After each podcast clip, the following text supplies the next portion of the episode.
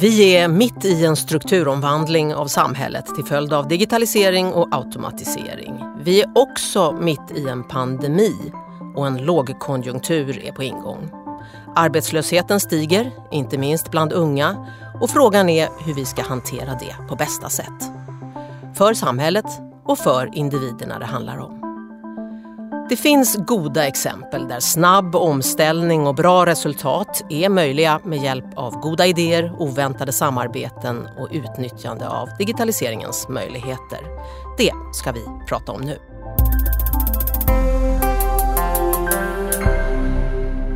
Välkommen till Digital idag i Smarta samtal, en poddserie om hur digitaliseringen påverkar oss som land, individer, arbetsgivare och samhälle. Jag heter Helena Blomqvist, jag är journalist, moderator, programledare och jag är med i stiftelsen Smarta Samtals programråd. Och gäster idag är Fredrik Hillelsson, VD och grundare Novare som rekryterar personal och erbjuder specialistkompetens inom många olika områden. Välkommen! Tack så mycket! Och Johanna Adami, läkare och professor i epidemiologi och rektor för Sofiahemmet högskola. Välkommen du också! Tack så mycket! För ungefär ett halvår sedan när coronapandemin var ett faktum och flygbranschen var i kris och vården var överbelastad.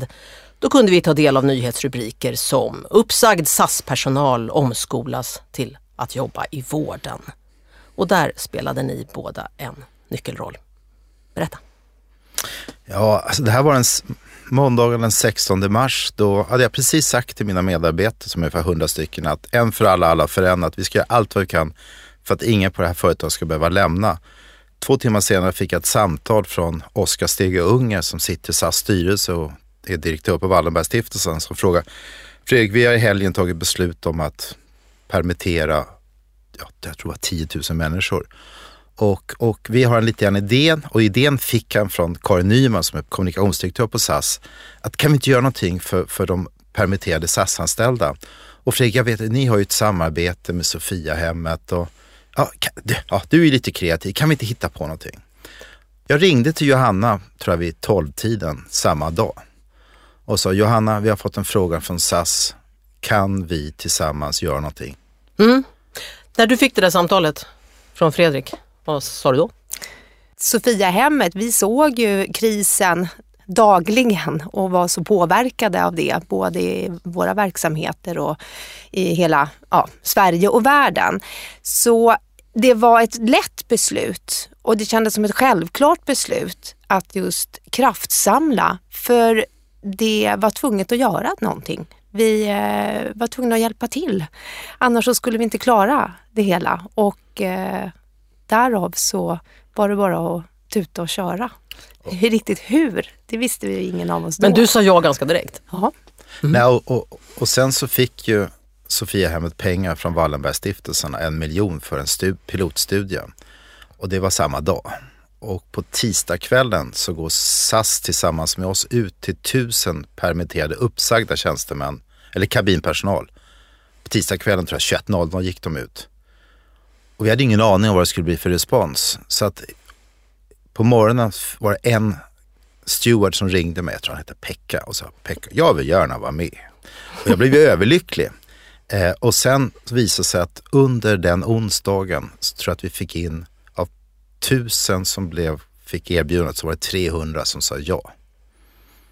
Då läckte vi det här till Expressen.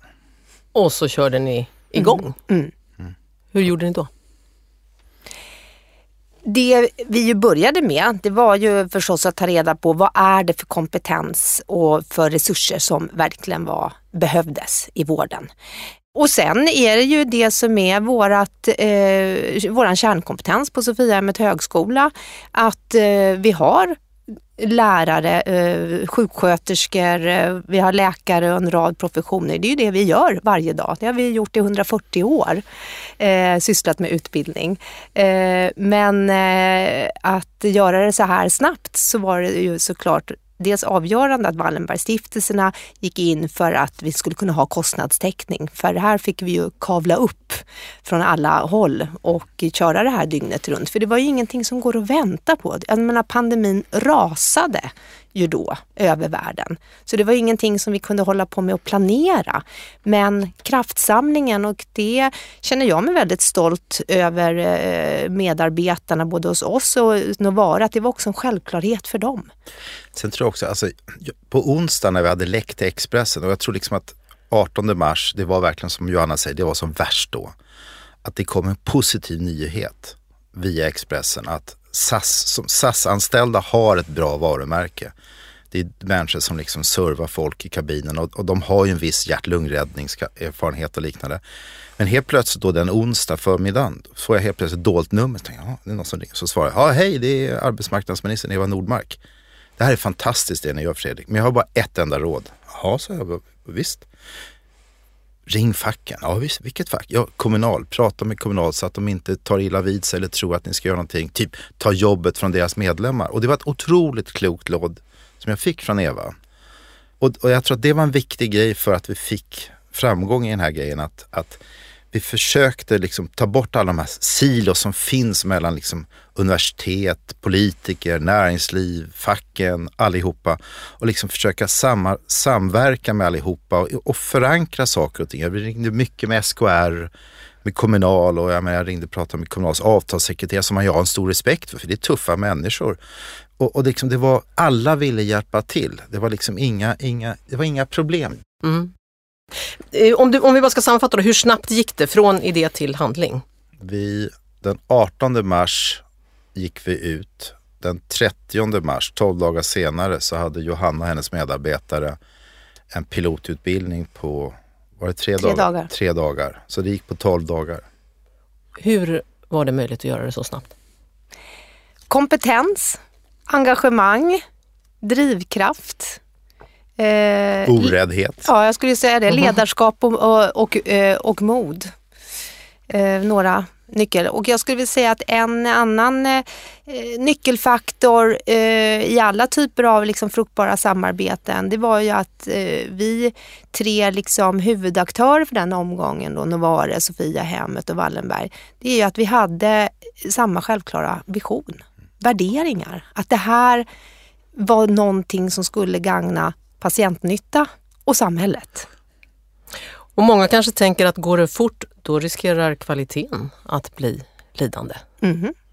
Och det tycker jag man ska eh, ha som ledstjärna att inte runda hörn eller slarva ihop någonting. Så att vi har ju utvärderat eh, utbildningen eh, under hela tidens gång och också då kunnat justera innehållet, hur studenterna eh, tillgodogör sig kompetensen. Att vi har varit, var ju, var en tuff kurs och vi ställde höga krav på dem. Och vi släppte inte igenom någon som inte klarade de tester Eh, som gjordes. Så de fick ju också köra dygnet runt. Och eh, fick fantastiska eh, positiva eh, utvärderingsresultat. Sen tror jag också en viktig sak att i många i vårt land så fort man ska göra någonting då går man ut, ja nu ska vi utbilda tusen människor eller 8000. Det blir massa stora siffror. Jag tror att det är mycket, mycket smartare att säga nu gör vi en pilot med 30 personer SAS prioriterade arbetslösa kabinanställda, inte permitterade i första 30-omgången.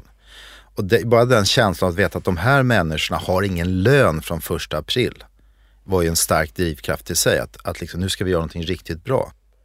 Vi har ju totalt snabbutbildat 648 personer i april, maj och juni i andra spår. Skogen, omsorgen, skolan, barnomsorgen. Så att det här var ju bara vårt första spår.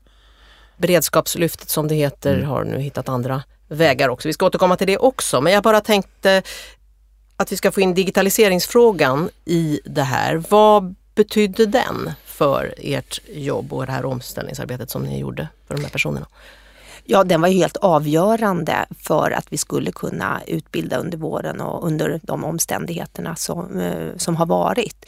För oss blev det ju då väldigt konkret. Om vi efter 12 dagar startade den första omgången och som vi kunde ha delvis fysiskt på plats, så kom ju sen då nya riktlinjer eh, från eh, myndigheterna om jobba hemma om du kan eh, och eh, begränsat antal personer.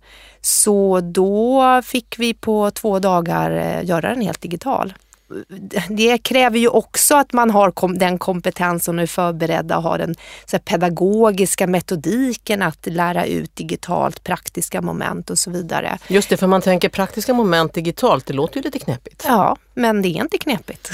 Och det har funnits väldigt länge.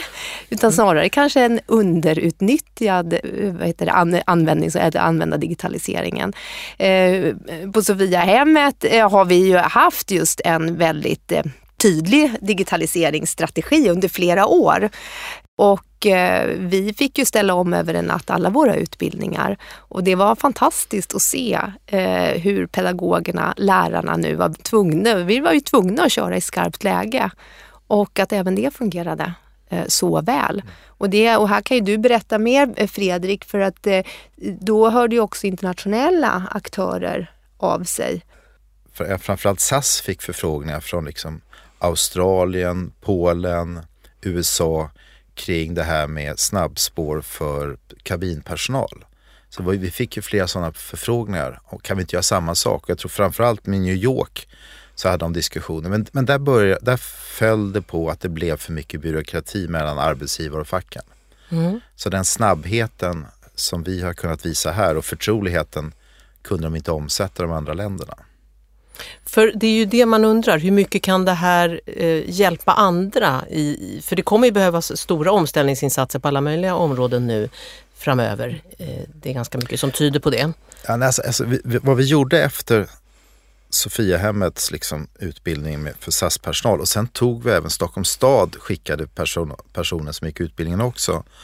Och sen startade vi ett andra snabbspår typ några veckor senare mot omsorgen. Och då hade vi ett samarbete med Stockholms stad och vi förlade utbildningarna till Grand Hotel och sen till Spotify. Och det var lite grann ett signalvärde att, att vi gjorde om fina vackra konferensrum på Grand Hotel till äldreboenderum med sängar och liknande för att visa att ni är prioriterade för personalen i äldreomsorgen har ju tyvärr inte varit prioriterad mm. under de här. Och det var restauranganställda som fick gå ja, den det var, utbildningen? Det var, det var hotell och restauranganställda. Mm. Och det som var mest spännande, och för att svara på din fråga, det var att redan efter några veckor, vilket jag först blev lite irriterad över och sen blev jag glad, det var att då säger helt plötsligt Stockholm Fredrik, vi har startat våra egna snabbspår. Nu har, vi har inspirerats av er och nu kör vi själva. Så tack, men vi behöver inte er längre. Mm. Som, som, som... blev du glad eller ledsen då? Nej, i början blev jag lledsen för vi förlorar ju en liten affär. Men samtidigt så blir jag glad att, att liksom, kan vi inspirera Stockholms stad som jag tycker varit jätteduktiga i det här att vara snabbfotade. Det är väl underbart. Mm. Nej, och jag kan bara fylla på där. Det här är ju direkt uppskalningsbart både nationellt och internationellt. Så de internationella eh, aktörer som hörde av sig eh, eh, till oss så såg jag ju det också som också en självklarhet att hjälpa till och berätta. Norge var ja. Nor norska SAS ville ja. göra någonting. Så att, eh, och, och inte bara till vården som säger och det är ju Fredrik och beredskapslyftet ett exempel på. Och att eh, om man tänker, vad kostar det att ha någon som är arbetslös eller permitterad? Det kostar jättemycket. Och vad kostar det att utbilda?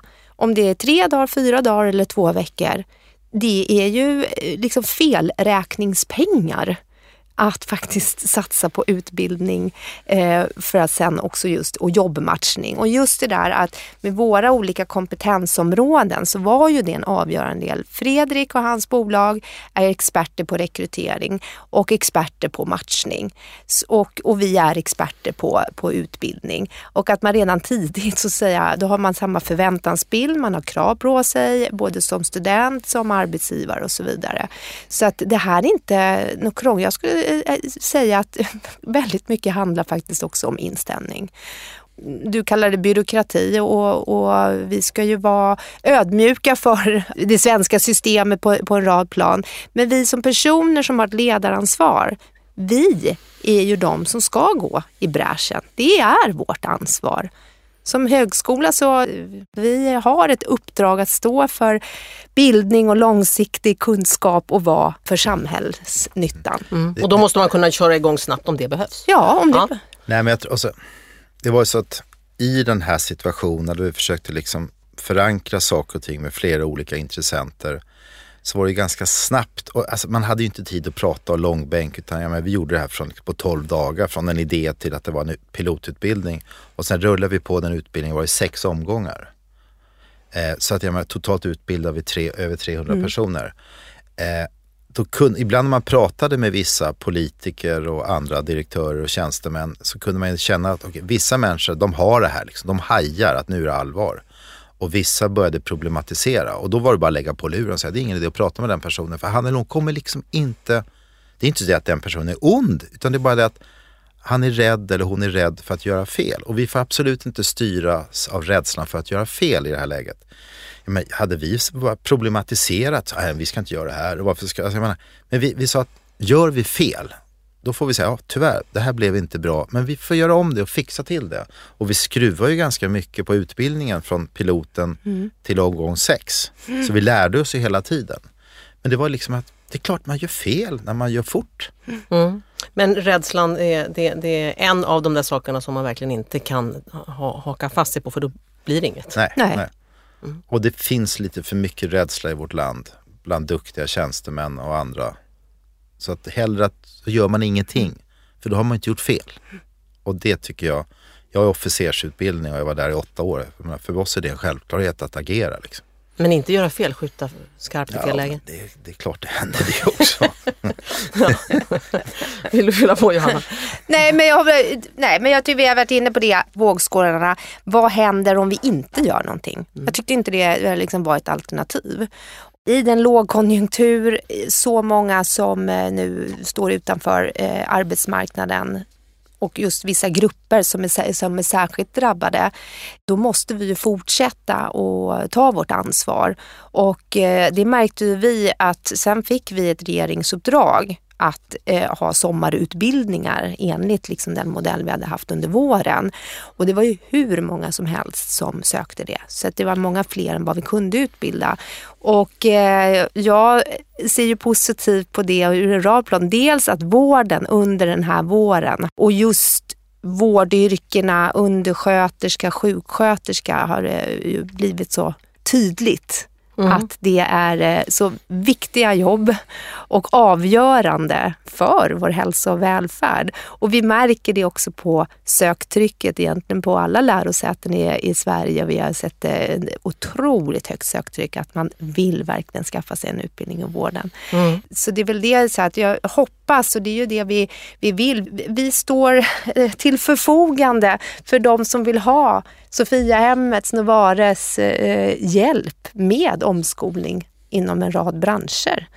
Och vi kan visa att det är effektivt. Och vilka branscher kan man tänka sig då, eh, Fredrik? Beredskapslyftet finns inom andra sektorer nu. Hur, ska, hur, hur tänker man kring vilka branscher är omställningsbara så att säga? Nej, men alltså, vi, vi började med vården mm. och sen så gick vi in i äldreomsorgen. För det var de två krisbranscherna då för att liksom göra vårt lilla bidrag.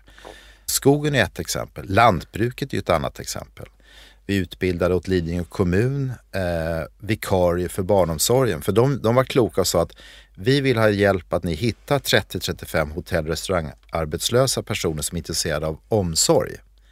För vi vill ha en kader av 30-35 personer till hösten, det vill säga nu, för att kunna stötta vår barnomsorgspersonal om de blir dåliga i höst. Så de var ju otroligt förutseende och hade en framförhållning beroende på vad som händer nu till hösten. Så att egentligen är det bara fantasin som sätter begränsningar på vad vi kan göra. Men vi måste ha respekt och vi måste ha krav på så att vi inte gör dumheter. För då ska journalisterna, facken och andra liksom jaga oss.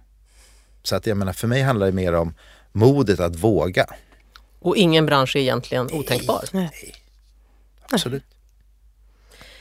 Ni har ju samarbetat tidigare sedan flera år tillbaka kring utbildning av nyanlända som är mm. läkare och sjuksköterskor i sina ursprungsländer. Och normalt så tar det ju sådär en 6 till 9 år för dem att komma ut på arbetsmarknaden. Men med ert program så går det betydligt fortare än så, 1 till 2 år har jag förstått då. Mm.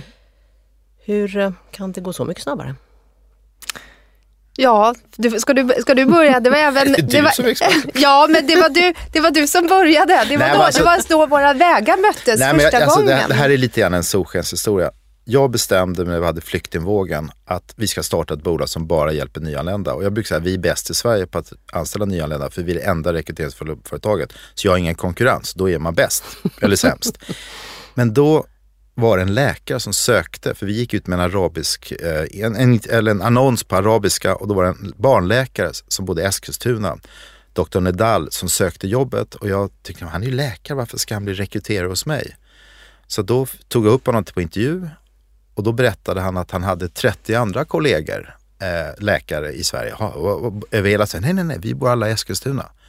Så då åkte vi ner i januari 2016 och träffade 30 extremt frustrerade människor, läkare, tandläkare, sjuksköterskor som, hade, som kämpade med att för, försöka klara det här Thule-testet som Janna får förklara. Och då så blev vi så frustrerade så att då ringde vi Wallenbergstiftelserna som sa Fredrik, prata med Sofiahemmet. Vi är beredda att supporta Sofiahemmet för att starta en utbildning för att utländska läkare snabbare ska kunna bli godkända som läkare i Sverige. Och sen dess har vi hållit på med det i snart fem år tror jag. Mm. När eh, Fredrik då kom till Sofiahemmet med ett tiotal av, av de här läkarna, jag är läkare själv och, och kunde liksom känna sam samhörighet med dem. Jag blev så himla förbannad. Jag blev beklämd. Jag blev beklämd över hur de beskrev eh, både sin tillvaro och sin kamp under flera års tid. Och så många dörrar de hade knackat på som inte hade öppnats för dem. Jag tänkte, hur svårt kan det vara? Det här är under all kritik. Och det är ju samma sak där, att framtidens kompetensförsörjning i vården, den kan man ju läsa om varenda dag i tidningarna. Så Wallenbergstiftelsen även där eh, visade liksom det ekonomiska stödet. Och det var ju, vi bestämde ju det också då vid sittande bord, att då startar vi en utbildning hos oss. Och vi skräddarsydde den. Det är det här tillbaks i snabbspår, omskolning eller vad det är. Vi pratar med vården, vi involverar dem det gäller istället för att vi kan ha en uppfattning om vad är det man behöver. Jag, jag tror att det där är jätteviktigt för att alltså, det är inte så att tjänstemän och andra i Sverige av liksom, ovilja vill jäklas med folk. Jag menar ambitionen folk, men jag tror att rättvisetänket gör, ja okej, ska man klara Thule-testet, här har ni 150 olika liksom, ja, pappren att skriva på och läsa in och ingen ska liksom få mer hjälp än någon annan. Så att liksom det blir svårare för de som inte har svenska språket eller nätverken och liknande. Och ibland kan jag tycka lite grann att de här sex månaderna med det här beredskapslyftet att, att våra myndigheter och våra regeringar oavsett färg har väl en tendens att istället för att gå och prata med de som är längst där ute vid fronten så går man liksom fel väg. Man går till myndigheter och ber dem där uppe som är stabsmänniskor som ska göra utbildningar som egentligen någon där ute vid linjen ska göra. Och den insikten är viktig att förstå. Att ibland måste man gå längst ut istället för att gå högst upp för att få till någonting. Man måste gå direkt till den som är doer. Ja, exakt, mm. sådana som vi. Mm. Kom till er så löser ja, sig. Ja, ja, det skulle man kunna. Väldigt mycket. Skulle man kunna säga. Ja. Eh, och det här är då förstås ett slöseri, vad, vad var det de här människorna som du fick kontakt med, de här läkarna och sjuksköterskorna, vad var det de hade upplevt? De, eh, ja rent konkret, de hade till exempel erbjudit sig att jobba gratis, vara volontärer på boenden inom omsorgen för att därmed också skaffa sig en förståelse för svenska hälso och sjukvårdssystemet samtidigt som de studerade. De fick inte komma in de körde taxi då istället och det är inget fel på att köra taxi. Men det är väl väldigt mycket bättre att liksom rätt kompetens på rätt plats. Vi får inte glömma bort att vi hade 7% arbetslöshet i en högkonjunktur. Snart är vi uppe i 10% Det är ju inte ett gott betyg till vårt samhälle att vi har 7% arbetslöshet i en högkonjunktur. Och jag är jätteorolig för, kommer vi klara av att utbilda de som har varit långtidsarbetslösa nu? När vi inte gjorde det i en högkonjunktur.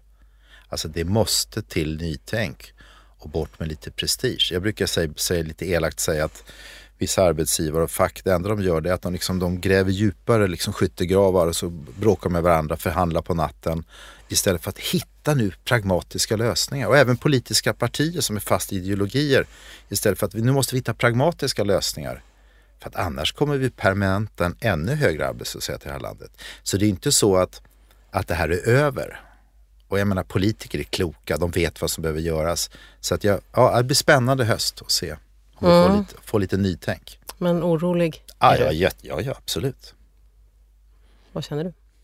Nej, men ja, eh, det som eh, oroar mig också det är ju att eh, som du säger, de som redan står långt utanför arbetsmarknaden eh, och utsatta grupper eh, de blir ju ännu mer. Det blir ju, liksom, det blir ju en nedåtgående spiral. Men om man ska se det positivt så är det ju där vi också måste kraftsamla och samverka för att det finns så otroligt mycket kraft så det är klart att, att vi måste göra en insats. I somras har vi tagit emot tusen ungdomar ihop med Fryshuset som inte har kunnat få sommarjobb som vi har utbildat och lärt sig skriva CV och ansökningar.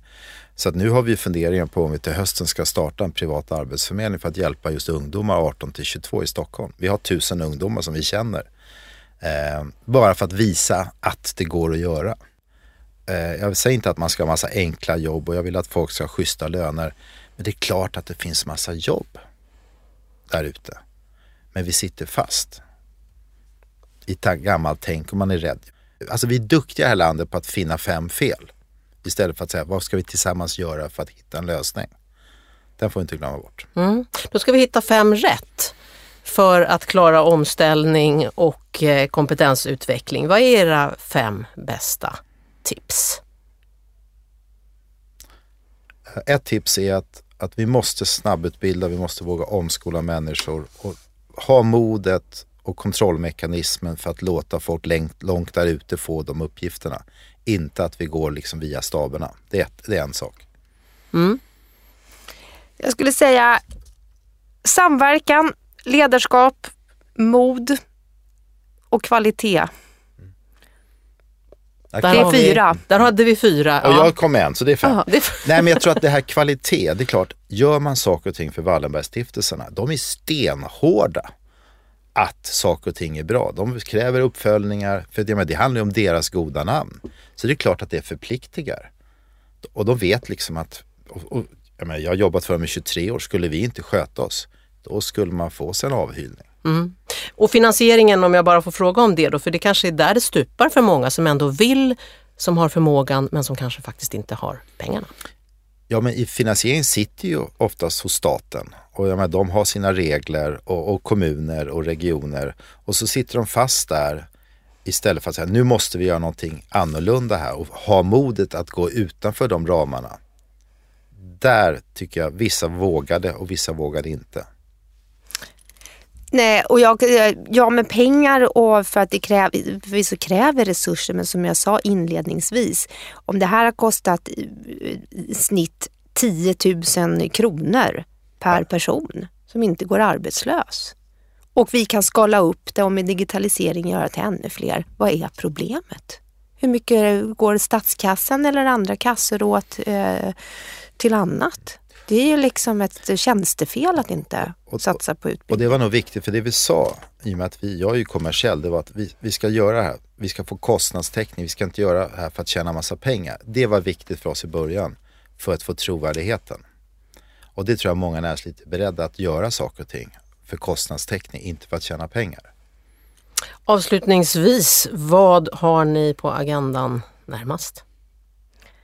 Det jag hoppas på eh, det är ju att de dialoger som vi har både det här regionalt i, i Stockholm men i övriga landet att eh, arbetsgivarna eh, hör av sig och eh, ger oss uppdraget att eh, fortsätta med den här typen av utbildningar eh, till vården.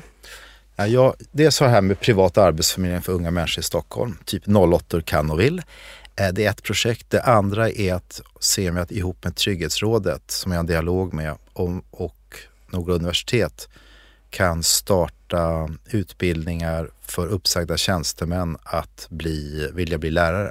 Och att vi drar lärdomar av beredskapslyftets erfarenheter att hålla tajt, stötta varandra, ha mentorer så att vi kan få, det saknas 70 000 lärare i Sverige de kommande tio åren. Det är en härlig uppgift. Mm. Och om man är villig och intresserad av att göra någonting liknande, då får man höra av sig till er. Och vi delar med oss till Ja, allt och alla, till och med absolut. till konkurrenter. Stort tack båda för att ni har varit med i Digital idag i Smarta Samtal podcast. Stort tack för att Tack så fick mycket. vara med. Fredrik Hidelsson och Johanna Adami. Jag heter Helena Blomqvist och det ni har lyssnat på är en del i en poddserie som är ett samarbete mellan Digital idag och Smarta Samtal.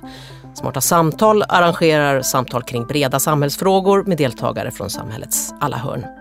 Digital idag är en folkbildningsrörelse där så många aktörer som möjligt talar om digitaliseringens möjligheter och konsekvenser. Initiativtagare är Forum för omställning tillsammans med Myndigheten för digital förvaltning, Ingenjörsvetenskapsakademin, Sveriges kommuner och regioner, LO och myndigheten Statens servicecenter.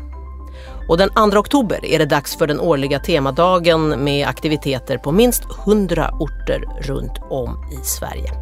Välkommen att vara med då och tack för att du har lyssnat.